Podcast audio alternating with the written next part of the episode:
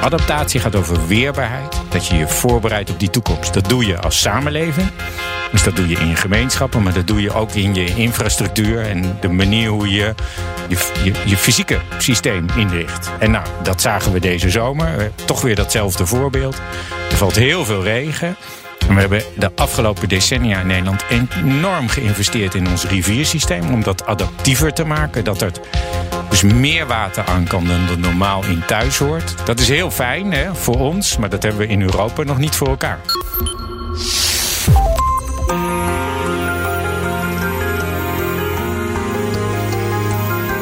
Je luistert naar De Stratege, een podcast van BNR in samenwerking met het Den Haag Centrum voor Strategische Studies. Mijn naam is Paul van Liemt. All over Iraq, the fields are turning to desert because of drought. 45% of Iraq's arable land is under threat, according to the Iraqi Committee on Agriculture and figures from the Ministry of Agriculture. In Tuvalu, we are living the realities of climate change, sea level rise, as you stand watching me today at COP26. We cannot wait for speeches when the sea is rising around us all the time. Climate mobility must come to the forefront. We must take bold, alternative action today to secure tomorrow. We are a force powerful enough to destabilize our planet. Surely, working together, we are powerful enough to save it.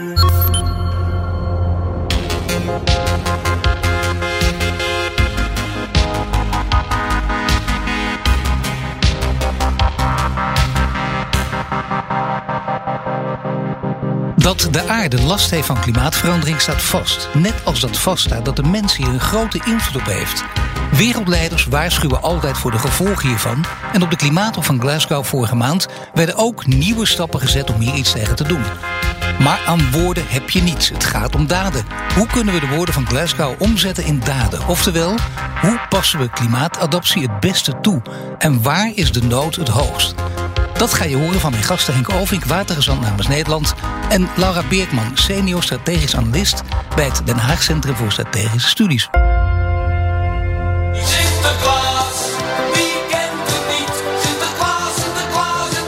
Ja, 5 december voor jullie een mooi moment om met pepernoten te strooien, pakjes uit te pakken, Laura. Echt iets voor jou. Doe je dat ook of niet? Ja, we vieren wel Sinterklaas thuis. Maar uh, ja, sterker nog, het is ook mijn verjaardag op 5 december. Dus dan uh, is het dubbelfeest. Van harte gefeliciteerd. En dan hadden we misschien ook nog een ander liedje overheen kunnen gooien. En hoe zit het bij jou, Henk? Ook zoiets verrassends of niet? Nee, nee, niet zo veel verrassingen. Maar gefeliciteerd, Laura, natuurlijk met je verjaardag. Dank je. Weer iets belangrijker dan Sinterklaas. Uh, en altijd wel het moment voor gedichten, natuurlijk, Sinterklaas. En er zijn heel veel gedichten over water geschreven. Dus nou, daar kun je dan weer, weer, weer zoet mee zijn op zo'n dag. Jij zit helemaal in het water, dat is wel duidelijk. Mag ik dan ook nog even een beetje een flauwe proberen? Sinterklaas, moet hij niet van zijn stoomboot af en hybride gaan varen? Jazeker, ja. maar volgens mij doet hij dat al uh, op onderdelen, elektrisch hier naartoe. Uh, we hebben in Europa, uh, onder leiding van Nederland overigens, een enorme coalitie opgezet om de, het vrachtvervoer over water, de, de vrachtschepen, te elektrificeren. Dus daar zijn we echt, daar drukken we hard op. Ja. Sinterklaas doet mee. Ja, precies. Nou en of. Ja. In Tuvalu, we are living the realities of climate change, sea level rise, as you stand watching me today at COP26. We cannot wait for speeches when the sea is rising around us all the time. Climate mobility must come to the forefront. We must take bold, alternative action today to secure tomorrow.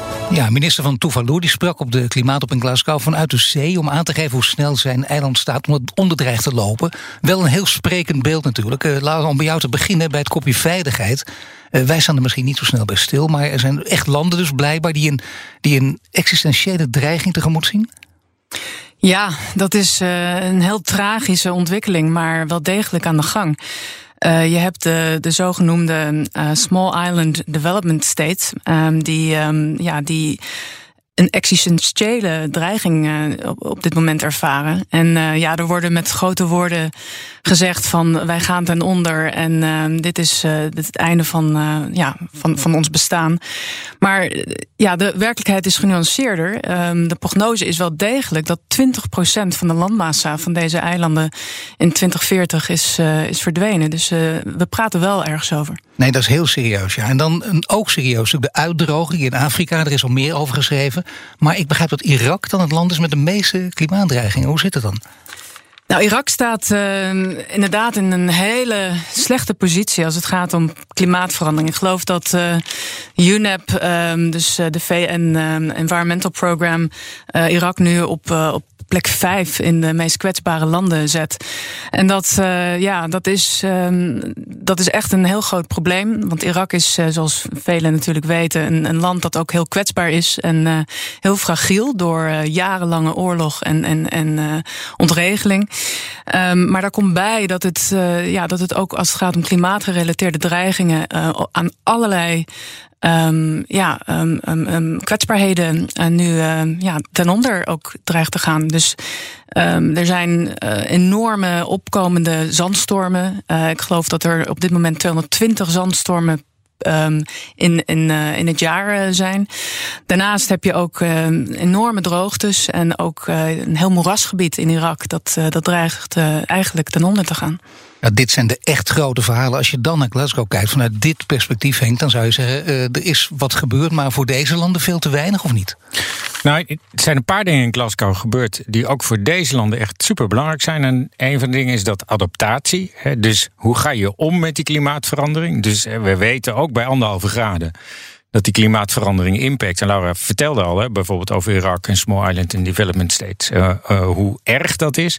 Dat hoe je daarmee omgaat nog nooit zo hoog op de agenda heeft gestaan. Hè. Adaptatie en verdubbeling van het geld voor adaptatie stond bovenaan. Water speelt daar natuurlijk een belangrijke rol. Dat is niet genoeg, maar dat is wel echt een belangrijke stap. En een ander ding wat is afgesproken bij de onderhandeling, dat het goal on adaptation, het is een beetje technische VN-praat, maar dat hoort bij die onderhandeling.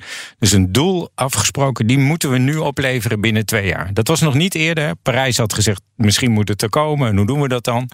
Glasgow heeft adaptatie uh, hoog op de agenda gezet, echt geld ervoor uh, verdubbeld. En gezegd, nu gaan we ook vertellen hoe dat dan moet. Dus, volgend jaar is de top, eh, de kop in uh, Egypte. Het jaar daarna in de Verenigde Arabische Emiraten. Dus we blijven in het gebied waar die kwetsbaarheid ook gewoon evident is. Hè, die is er gewoon. En adaptatie is een uh, superbelangrijk onderdeel van die agenda. Nederland speelt daar ook een aanjagende rol in. Wij organiseerden de eerste klimaatadaptatietop afgelopen januari. Dus we blijven ook die coalitie van partijen aanvoeren uh, om nou, ervoor te zorgen hoe je dat dan doet.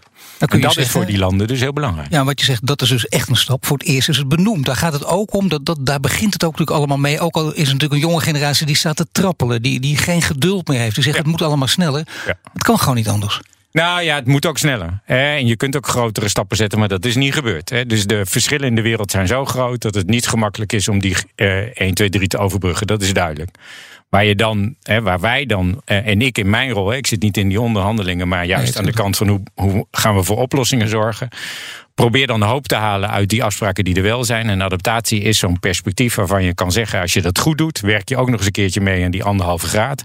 En je helpt, en dat is waar adaptatie echt is op gericht, de meest kwetsbare eerst. Dus je begint niet bij de rijken en degenen die het toch wel op orde hebben. Eh, John Kerry, de klimaatgezant van uh, president Biden, die zei het op onze klimaatadaptatietop in januari heel simpel. Anderhalve graden is je beste adaptatiestrategie. En met adaptatie kun je die anderhalve graden ook dichterbij halen. En bescherm je de meest kwetsbare, niet alleen de mensen, maar ook vaak de meest kwetsbare milieus en natuurgebieden. Tegen die klimaatverandering maak je ze weerbaarder, robuuster. En dat is heel erg belangrijk omdat die anderhalve graden halen zo langzaam gaat en die onderhandelingen, is die, is die, is die weerbaarheid uh, van mensen en samenleving uh, kritiek. Maar tegen de achtergrond van, van dit verhaal, wat zijn de grootste waterrisico's in de wereld? Want die weten ook wel uh, in kaart hebben. En weten welke dat precies zijn. Ja, de grootste risico's zijn die hele lange periode van droogte. Uh, die heeft een enorme doorwerking op de economie. Hè. Uh, veel meer dan een, een overstromingen die directe impact heeft. Impact heeft, mensen gaan dood en er is heel veel schade. Die ga je dan, moet je herstellen. Bij een, een, lange periode van droogte zie je dat dat jaren, soms wel decennia doorwerkt in de economie. Mensen slaan op de vlucht, want er is geen voedsel meer. Er groeit niks meer. Hun, hun, hun beesten hebben geen eten, ze hebben zelf geen water meer. Dus er ontstaan migratiestromen, klimaatvluchtelingen. Nou, de VN schat in dat dat in de honderden miljoenen loopt in 2050. Mensen die op de vlucht zijn, niet meer kunnen wonen op de plekken waar ze zitten. Dat is de ene. De Enorme aantallen trouwens. Ja. Hè? Dat moeten we niet even als bijzin. Dat is goed om dat even te benadrukken. Ja, heel groot. En klimaatmigratie is van alle tijden. Hè? Dus in Bangladesh zie je regionale klimaatmigratie. Door, door overstromingen, en een, een, een cycloon. Die daar, en dan gaan mensen weer terug. Maar dit gaat echt over ontwrichting. Hè? Waarin veiligheid van mensen, maar ook veiligheid tussen landen op het spel staat. Omdat die mensen eh, vertrekken vaak en gaan een grens over. En dat zorgt voor spanningen. Nou, dat zien we nu in Europa ook. Uh, kortom, uh, super kwetsbaar. Dat is één, die droogte. Die tweede is de, uh, de intensiteit van stormen en de frequentie ervan. En je zien, we zien orkanen op de wereld, cyclonen uh, of tyfoons. elke regio heeft daar zijn eigen benaming voor. Enorm toenemen in kracht en daarmee ook in impact. Dat betekent dat dus meer mensen, de meest kwetsbare eerst weer, maar ook meer economische schade zal worden geleden. Dus daar zie je dat door dat soort events, die extreme events. Nou, drie, regen. We hebben het deze zomer zelf gezien in Duitsland, België, Luxemburg en Nederland. Zo'n waterbom die valt op Duitsland, voorspeld, maar we waren er niet klaar voor. Uh, kortom, onze systemen in, uh, in elk, elk deel van de wereld zijn niet toegerust op dat soort extreme. Nou heb je, je zou bijna niet zeggen... natuurlijk zeespiegelstijging nog, hè? Want ik zou het bijna vergeten, maar die komt ook gewoon de sluipmoordenaar. Alsof er niet genoeg was. Ja, ja maar dat is de sluipmoordenaar. Uh, uh, en daar komt nog iets bij. Um, uh, het, het, is inzakken van het land, dus land subsidence, zoals we dat noemen. Dat het, het, land zakt. Het komt niet door klimaatverandering, maar door menselijk handelen. We halen het water uit de grond. want dat hebben we nodig voor landbouw, voor onze industrie en voor onszelf. Daarmee klinkt die bodem in. Met zeespiegelstijging en stormen wordt dat grondwater ook nog eens een keertje verzilter. Dus je hebt nog meer nodig. We dammen, bouwen dammen in onze rivieren, waardoor er geen sediment meer in die delta's komt. Dus die delta's die brokkelen af. Die, die, dat cluster van een enorm ongeluk, als je daar klimaatverandering bovenop zet, nou dan dat is het ergste wat er is. Dus het is nooit altijd alleen klimaatverandering zelf. Maar het is de combinatie van economische ontwikkeling en het verwoesten van onze biodiversiteit. Die klimaatverandering tot een enorme, nou ja, eh, een bak ellende maakt. Nee, maar dat is heel goed verwoord. Eh, alles bij elkaar. Dan hebben we dat meteen ook in kaart. En uh, als we dan toch aan het stapelen zijn, uh, Laura. Er zijn nog meerdere dreigingen natuurlijk. Hè? En laten we ze even allemaal wel bij elkaar pakken. Want je, hebt het, je kunt het geopolitiek bekijken, geologisch of, of meteorologisch. Allemaal hebben ze invloed op de veiligheid. Maar ja, hoe zit het dan precies? Ja, het is een, een wicked problem, zoals ze dat in Engels uh, mooi zeggen. Het is een ja, heel complex probleem. En uh, ik denk dat Henk dat uh, goed heeft, heeft samengevat. Maar als je kijkt naar, naar klimaatveiligheid, ik denk dat ik wel nou ja, ook een aantal voorbeelden kan noemen waar, waar we dus goed op moeten letten, ook geopolitiek. Um, je ziet dus ook aan de hand van deze onderhandelingen, de koponderhandelingen, dat, dat er behoorlijk wat druk en spanningen uh, ligt op het maken van afspraken en dat dat ook uh, uitgevoerd wordt. En um, ja, aan de ene kant uh, is dat natuurlijk goed en belangrijk. Aan de andere kant ga je wel zien dat die interstatelijke nou ja, spanningen en competitie. om dus uh, op een bepaalde manier uh, aan, aan die nou ja, emissiereductie en andere doelstellingen. om aan die ja, eisen te voldoen, dat dat gaat toenemen. Ik denk dat het vooral een, ja, een, een, een soort winner- en loser game gaat worden. tussen landen die dus eigenlijk op korte termijn echt aan de bak kunnen. met bepaalde targets. Nou, dan denk je snel aan rijkere landen die natuurlijk gaan investeren in, in allerlei technologieën om uh, nou ja, die energietransitie om die mogelijk te maken. Er zijn ook een groep landen die dus uh, op korte termijn daar niet aan willen, omdat ze dan wel nog heel afhankelijk zijn van de fossiele industrie, dan wel um, landen zijn die dat niet kunnen vanwege nou ja, allerlei beperkingen. En Henk noemde al een aantal, maar ook vooral financieel. Um, en dat zorgt ervoor dat uh, ja, deze, deze padstelling tussen rijk en arm, maar ook landen die bijvoorbeeld inderdaad op korte termijn daar niet aan willen, dat die uh, sterker gaat worden. En die competitie, die zal toenemen en het zal uh, er mogelijk toe kunnen leiden dat er dus ook geopolitiek wat, wat impact gaan zijn. En dat landen ja, elkaar ook op andere manieren proberen onder druk te zetten, zodat ja, zodat een andere uitkomst mogelijk is. Ja, ik zou bijna zeggen, dit is een, een, een heel zwaar begin van dit programma. Maar dat willen we ook van deze podcast. Hè, om gewoon echt goed neer te zetten hoe het samenhangt. De wicked problem, zoals je ze inderdaad noemt. Uh, prachtige term, dat is waar. En heb je nog een andere mooie term, die is al even gevallen. Die heb jij genoemd, uh, namelijk klimaatadaptatie. Henk, en er zijn mensen die zeggen, daar moet het echt helemaal op gooien. Dat is geweldig, daar kunnen we geld mee verdienen. We kunnen ons technologisch overal uit redden. Er is eigenlijk niks aan de hand. Dat is het overdreven optimisme. Wat, wat is de werkelijke realistische kijk die je moet hebben? Nou, het is goed om optimistisch te zijn, dat eh, ben ik ook altijd. Want dat helpt je om aan de goede kant te werken en te trekken. Maar je moet niet onrealistisch worden. Hè? Uh, adaptatie en mitigatie zijn niet voor niets twee kanten van dezelfde munt. Hè? Dat Parijsakkoord, wat we zo mooi hebben afgesproken in 2015, zegt ook dat je aan beide moet werken. Want zelfs met anderhalve graden zijn we kwetsbaarder. En wat ik al eerder zei, de meest kwetsbare en de meest kwetsbare plekken eerst. En die adaptatiekant die bereidt je voor op de toekomst. Dat is eigenlijk altijd goed. Hè? Dat is goed voor je economie, dat is goed voor je industrie. Dat doen we niet alleen voor klimaat, maar dat doen we ook voor duurzaamheid. Dus dan gaat het over gelijke kansen voor vrouwen. Dat gaat het uh, gelijke kansen voor meisjes en jongens om onderwijs te krijgen. Gaat het over voedselzekerheid. Steden die uh, gezond zijn, een gezonde leven. Nou, we zitten in een pandemie. We willen heel graag dat gezondheid bovenaan die agenda staat. Hangt natuurlijk direct weer samen ook met klimaatverandering. En adaptatie gaat over weerbaarheid. Dat je je voorbereidt op die toekomst. Dat doe je als samenleving. Dus dat doe je in je gemeenschappen, maar dat doe je ook in je infrastructuur en de manier hoe je je, je, je fysieke systeem inricht. En nou, dat zagen we deze zomer. Toch weer datzelfde voorbeeld. Er valt heel veel regen.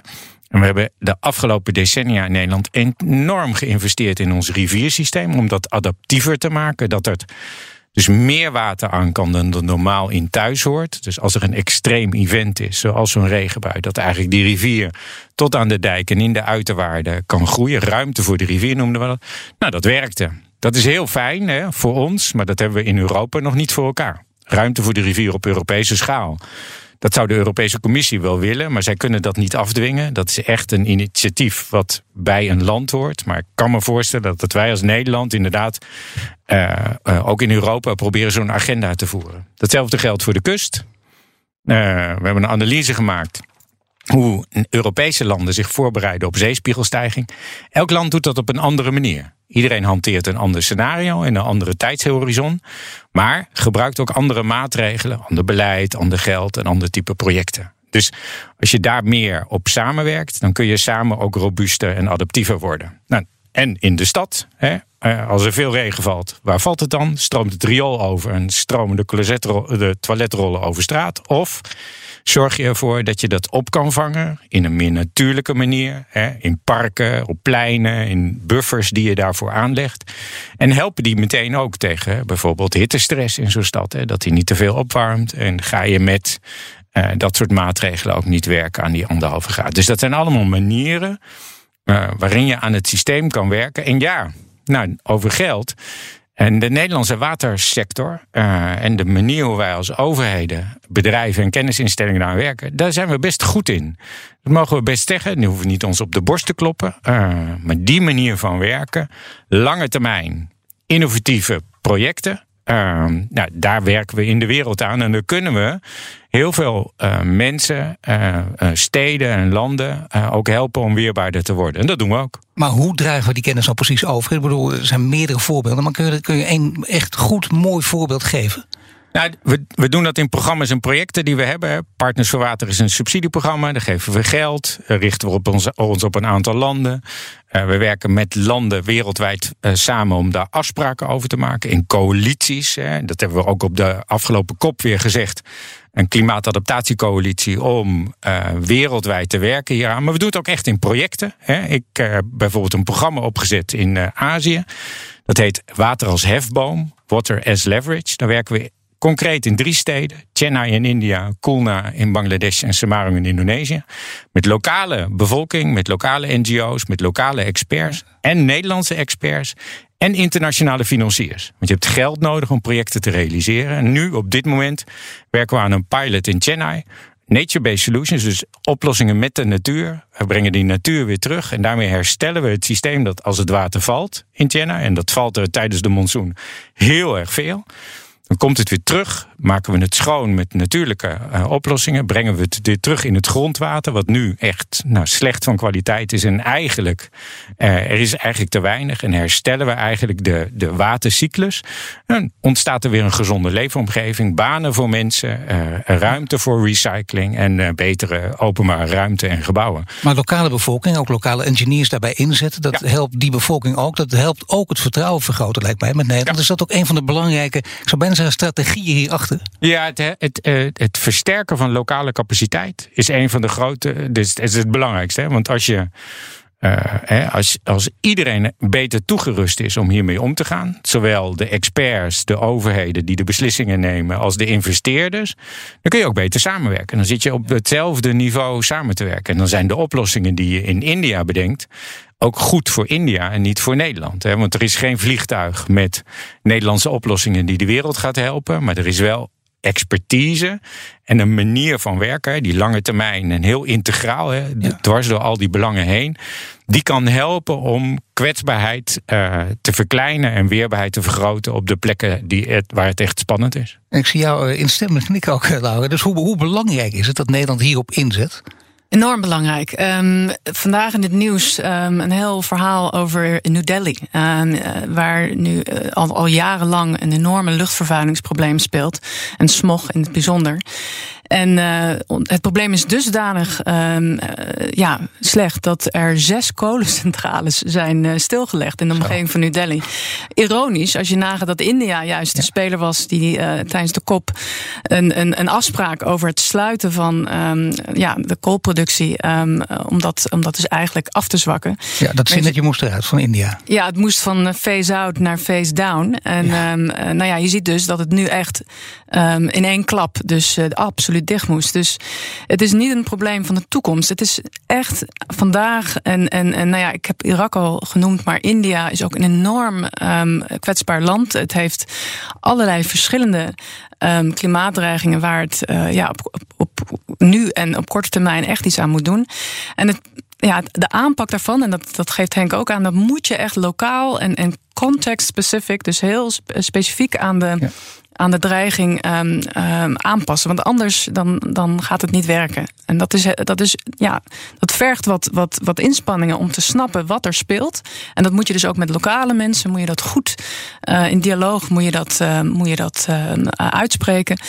Maar ja, als je, als je dat niet doet, dan ga je dus de neveneffecten nou ja, en ook de veiligheidsaspecten ga je harder voelen. Maar ja, je moet dan ondertussen wel, stel dat je in India actief zou zijn en jij ook bijvoorbeeld Henk, met een project, dan moet je altijd toch benadrukken: dit kan alleen maar, deze klimaatadaptie, deze geweldige adaptie, waar we ook jullie voor nodig hebben bij gebruiken en, en zelfs voor inzetten, als we binnen die anderhalve graad blijven. Dat zal toch altijd ja. blijven botsen. Hoe, ja. hoe, hoe, moet je daar dan ja, in opstellen? Ja en nee. Hè. Dat, uh, het, het, je hebt ze allebei nodig. Uh, en die anderhalve graad is kritiek belangrijk. Zeker ook voor Nederland. Uh, existentieel uh, voor ons. Maar zo zijn er nog een aantal plekken in de wereld. Dus je moet doen. Maar het project in India, in Chennai, wat ik net noemde.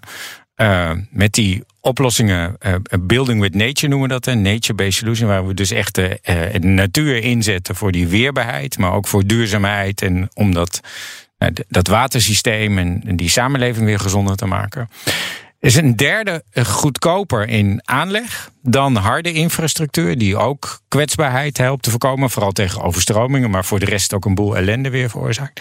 De helft goedkoper in, uh, in onderhoud en beheer en onderhoud. Nou, dat is heel fijn. Hè? Dus dat kun je meteen meenemen. En de CO2-footprint gaat met 80% naar beneden. Zo. Super fijn. Hè? Dus de, het is niet alleen. En dan zie je opeens dat je uh, door zo'n project, uh, waarin je zo'n samenleving en zo'n stad in dit geval weerbaarder maakt, dat je ook helpt aan die anderhalve graden. En over die kolen is natuurlijk een onderhandeling, hè? maar India was, en China waren boos dat het alleen over kolen ging en niet over de rest. Hè? Want daar was met de rest van de wereld weer niet over. Dus ja. phase-out van fossel, dat is pas echt een, een, Dat zou een bold move zijn geweest. Maar alleen phase-out van kolen, dat raakt hun harder dan de rest. Hè. Dus, die bold move, gaan we die, gaan we die in Egypte zien volgend jaar? Of is dat uh, te snel? Nou, er komt weer een stap uh, naar die bold move in Egypte. Dat weet ik zeker. Wat gaan we in Egypte wel zien? Want uh, daar, daar, ja, gaat, daar, gaat, daar, gaat, met name, denk ik, ongelijkheid een hele grote rol spelen. Bijna alle volgers roepen dat nu ook. Dat, dat wordt het dominante thema. Ja, en water. de minister van Water heeft al gezegd: de Cairo Waterweek gaan we samen pakken in de kop. Uh, en uh, water speelt voor Egypte een enorm belangrijke rol op heel veel verschillende manieren. Nederland en Egypte werken al meer dan 40 jaar samen op het gebied van water. We hebben een scientific committee en een ministerial. Dus we werken samen met de politiek om ervoor te zorgen dat waterweerbaarheid in Egypte versterkt. Landbouw, enorm belangrijk met die Nijl. Maar ja, ook uh, dat noemen we dan met een Engels woord transboundary, water de grens over. Die rivier, die Nijl, die komt natuurlijk uit een enorm grote uh, uh, systeem. Hè, vele landen, maar vooral Ethiopië, Soudaan en Egypte zitten nu te ruzien over de grote dam, de Renaissance-dam in Ethiopië. En dat is nog niet opgelost. Dus Egypte zal zeker security, uh, water uh, en uh, veiligheid, vrede en veiligheid op de agenda zetten van de kop. Ja, Laura, natuurlijk. En die, geopolitieke plek. Europa, Arabische wereld, Afrika. Gewoon, gewoon in, in, ja, in, die draaikolk eigenlijk. Daar lig je volgend jaar trouwens, het jaar daarna de Verenigde Arabische Emiraten. Wat je zei, dus je blijft dat in die hoek zitten. Maar waar zal Egypte vooral op in gaan zetten? Want als je dit verhaal van Henk hoort, dan denk je, nou, daar kunnen ze, plat gezegd, flink mee gaan scoren. Ja, ik denk dat Egypte en, en meerdere landen die ook in die regio's met, met dit soort uitdagingen te maken hebben, gewoon echt um, veel hardere afspraken willen over die, um, nou ja, die toegang tot, uh, tot die waterbronnen. Hetzelfde geldt uh, voor Irak bijvoorbeeld. Daar zit ook een, een watersysteem waarbij Irak eigenlijk um, uh, ja, downstream zit ten opzichte van Iran en, en Turkije, die ook ja, als een dolle dammen aan het bouwen zijn um, over de grens. Waardoor dus de watertoevoer echt met een, een, ja, enorme hoeveelheden is afgenomen. En dat is, ja, dat is dramatisch. Dus er moeten veel betere afspraken gemaakt worden tussen landen. Maar ook binnen landen moet de weerbaarheid um, versterkt worden om nou ja, in de eerste plaats serieus genomen te worden in die onderhandelingen. Ja, um, en in de tweede plaats om tot, tot ja, concrete afspraken te kunnen komen. Waarbij ook technische uitwisseling van expertise kan plaatsvinden. Maar dat is dan de, een van, nou misschien is ook veel meer, maar dat is een belangrijke inzet, laat ik het zo zeggen, volgend jaar in Egypte. Voor het land zelf. Ja, voor Egypte is het, is het essentieel dat, uh, dat hier goede afspraken worden gemaakt. Dus over die Renaissance Dam. En uh, ja, dat, ik denk dat water daar eh, centraal zal staan. Mag ik er nog een land uh, bij noemen waar water centraal staat, waar Nederland ook zeer direct mee te maken heeft, in combinatie met Tajikistan? Want die gaan, Henk, op het gebied van, ja. van water nog heel veel samen doen. Even Tajikistan, waar ligt dat een beetje ingeklemd tussen Oezbekistan, Afghanistan en China? Ja. Dat land. En die twee die gaan met elkaar, Nederland en Tajikistan, die gaan samenwerken. Hoe zit dat dan? Ja, dat eh, doen we al een tijdje. Uh, en Tajikistan uh, levert uh, bijna, nou, volgens mij is het 75% van het water voor Centraal-Azië. Dus zij zijn een waterbron voor Centraal-Azië. Dus zij leveren met hun waterbron en bergen. Hun hoogste berg is volgens mij 8.500 meter. Dus dat is echt serious. ze hebben ook te maken met het Aralmeer. wat, nou ja, uh, ook onder druk van klimaatverandering en menselijke uh, uitputting, uh, het, het, onttrekking daarvan enorm onder druk staat. Dus Tajikistan is een arm land, is een land uit Global South, zoals we dat noemen. Is een land wat water altijd binnen de VN hoog in het vaandel heeft gehouden. Ze hebben een Decade of Action gelanceerd, al eerder. Dus tien jaar werken aan water. Dat is voor de tweede keer in 2018 gedaan. Dus 2008 tot 2018, 2018 tot 2028 weer. Dus zij zijn echt een, een waterambassadeursland. Zoals wij dat zijn. Wij denken altijd dat Nederland het is. Nou, Tajikistan kan er binnen de VN ook echt wat van. Uh, wij hebben binnen de VN alleen, binnen de Verenigde Naties, uh, als je iemand wil bellen, zeg ik altijd, uh, bij de VN, dan neemt er niemand op op het gebied van. Dus de watertelefoon, ja, die, die, die bestaat niet. Nou, Henk neemt soms op. Ja, ik probeer dan af en toe nog die telefoon te pakken. Nou, dat is nog een vacature in ieder geval. Ja, ja. Er is geen organisatie die verantwoordelijk is voor water. Er is wel UN Water, zoals dat heet, VN Water. Ja. Dat is een vergadering. Hè? Dus nou, dat is nog weer iets anders dan een, een organisatie. Ze hebben dus niet iemand die daar verantwoordelijk voor is. En dat betekent dat het ook nooit over water gaat, tenzij je een agenda van een ander kaapt. Dus bijvoorbeeld de Veiligheidsraad. Toen Nederland lid was van de Veiligheidsraad in 2018 en in maart 2018 voorzitter was, toen hebben wij op Wereldwaterdag ook water op de agenda gezet. Dat gaat niet vanzelf, hè, want de permanent members die vinden dat spannend. Want water gaat voor hun ook de grens over. Neem een VS, neem een China. En ze willen er niet graag over praten. Maar wij proberen dan als non-permanent members altijd ervoor te zorgen dat je, wat Laura zegt, dat soort wicked problems op de agenda te krijgen. Nou, omdat het niet is georganiseerd. Uh, wat probeer, hoe probeer je dan het dan toch hoog op de agenda te krijgen? Dan organiseer je een top. Dus in 2023 organiseren Nederland en Tajikistan met hulp van de VN een top over water. Dat is de tweede keer in de geschiedenis van de Verenigde Naties. En de eerste keer was in 1977. Dus dat is even geleden. Dus dit is een once in a lifetime moment. Jij bent erbij toch, Henk, of niet? Dat ga ik, toch zeggen. We eh, trekken op dit moment heel hard samen met de collega's van Buitenlandse Zaken en Infrastructuur en Water en onze ambassade in New York, uh, onze permanente vertegenwoordiging in New York om samen met Tajikistan en de VN-organisaties daar nu invulling aan te geven. En wij zien eigenlijk drie fasen. De voorbereiding van die top. Uh, daar proberen we al nu al met alles en iedereen te gaan werken. Zodat we en weten wat het grote gat is op het gebied van waterzekerheid. En weten wat we daaraan kunnen doen. En kunnen identificeren wie daar al wat aan wil doen. Hè. Geld, commitments, coalities, projecten, programma's enzovoort die top gebruiken als het moment om dat met de wereld te delen. Maar ook vragen om dat politieke commitment, een soort pact van New York in 2023. Uh, waarbij we met elkaar zeggen: oké, dit gaan we dan doen. En er dan ook voor zorgen dat na 2023 we uitvoering geven aan die afspraken. Want er is geen onderhandeling over water, er is geen organisatie. Maar wij kunnen met die top uh, in 2023 wel proberen om een enorme boost te geven een, uh, aan die water. Dat moeten we even onthouden. Hè? Er moet sowieso daar bij die top ook iemand zijn die telefoon opneemt. Maar dat is zeker geregeld naar dit gesprek, dat weet ik sowieso. Mm. Maar er is nog één ding, en dat wil ik toch van jou dan weten. Want uh, dat wordt belangrijk, dat is groot. Ik wist ook niet dat Tajikistan trouwens zo'n belangrijke waterspeler was. Maar ook als je kijkt waar het ligt, Laura, heel bedreigend. Heel bedreigend natuurlijk, want dat is kwetsbaar. Hoe bedoel je dat? Waar als je zegt het is zo'n belangrijk waterland en het, uh, ligt daar tussen China, Afghanistan en ja. Oezbekistan ingeklemd, uh, nou ja, dan denk je geopolitiek gezien uh, is daar wel wat te halen voor iemand die kwaad wil. Ja, zeker. En ik denk, um, kijk, die regio die zal um, ja, de komende jaren steeds belangrijker gaan worden. Als je kijkt naar ook inderdaad het, de ontwikkeling van een nieuw geopolitieke hotspot, dat ook een, een, link heeft met klimaatverandering. Eén ehm, ja, misschien wat, wat minder optimistisch um, ontwikkeling waar ik me zorgen over maak, is uh, ja, geoengineering. Dat is een, um, ja, eigenlijk een technologie dat kijkt naar hoe je ja, weerpatronen kunt beïnvloeden ten einde je nou ja, bepaalde effecten um, nou ja, te verminderen. Maar je kunt het ook in de verkeerde handen uh, gebruiken om uh, effecten te verslechteren voor een ander. Um, en die technologie die is nog, uh, ja, nog erg in ontwikkeling, maar het, is wel een instrument waar, waarvan ik verwacht dat meer en meer landen die willen um, gaan, ont, ja, gaan ontwikkelen om meer controle te krijgen over toch een soort ongrijpbaar probleem. en ook, ja, ook landen die zich prima houden en allerlei verdragen, die zullen toch meer een, een, een unilateraal instrument zoeken waarbij ze dus niet afhankelijk zijn van, van grote multilaterale afspraken. Nou, laat ik zeggen dat dit uh, als staart uh, voor deze discussie een belangrijke waarschuwing nog is. Ik dank jullie allebei hartelijk. Henke Alvink, hij is watergezant namens Nederland. Hij ziet uit naar die top in Nederland, uh, Tajikistan 2023. En Lara Beerkman, senior strategisch analist bij Den Haag Centrum voor Strategische Studies. En wil je meer afleveringen van de Stratege terugluisteren? Je vindt hem op Apple Podcasts en Spotify, maar ook in de BNR-app of op bnr.nl. Tot de volgende keer.